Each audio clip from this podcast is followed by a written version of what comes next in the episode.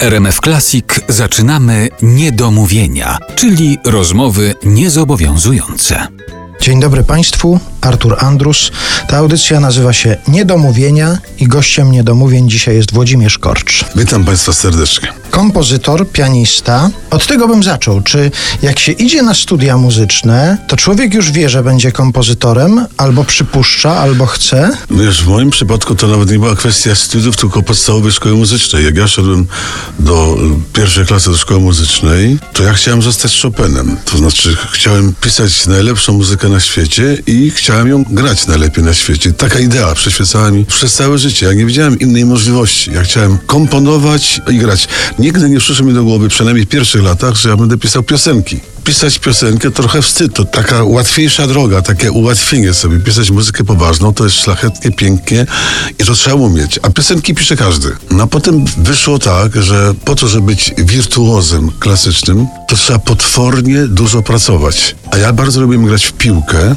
Potem lubiłem chodzić do kina, do teatru, wszystkim książki, które połykałem tysiącami, a to granie na fortepianie to była rzecz żmudna. Ja w końcu oczywiście grałem, jak już nie było innego wyjścia. Nawet zdarzyło się na ostatnim roku studiów grać 12 godzin, ćwiczyć, po prostu dlatego, że byłem tak zapóźniony w przygotowaniach do dyplomu, że nie było wyjścia. Ale wszystko to sprawiło, że się okazało, że pisanie piosenek jest 10 razy łatwiejsze niż ćwiczenia na fortepianie po wiele godzin i dlatego zacząłem pisać piosenki. No dobrze, ale to z tego Państwo mogą sobie wyciągnąć taki wniosek, że Włodzimierz Korcz zaczął komponować piosenki z lenistwa, a to ja tylko powiem, że jak się słucha ludzi, którzy z nim pracują, to o takiej cesze jak lenistwo nie ma mowy. To jest tytan pracy tak naprawdę.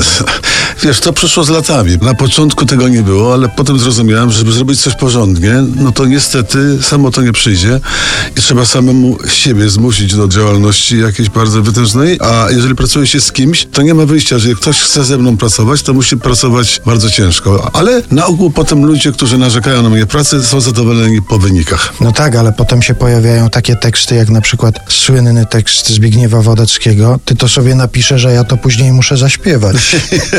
No tak, tak, oczywiście, ale, ale no, ze Zbyszkiem też mi się pracowało bardzo dobrze. Geniusz muzyczny, w związku z czym on pracował 10 razy mniej, niż Stokoliak, a, a rezultaty miał lepsze. To tak to było.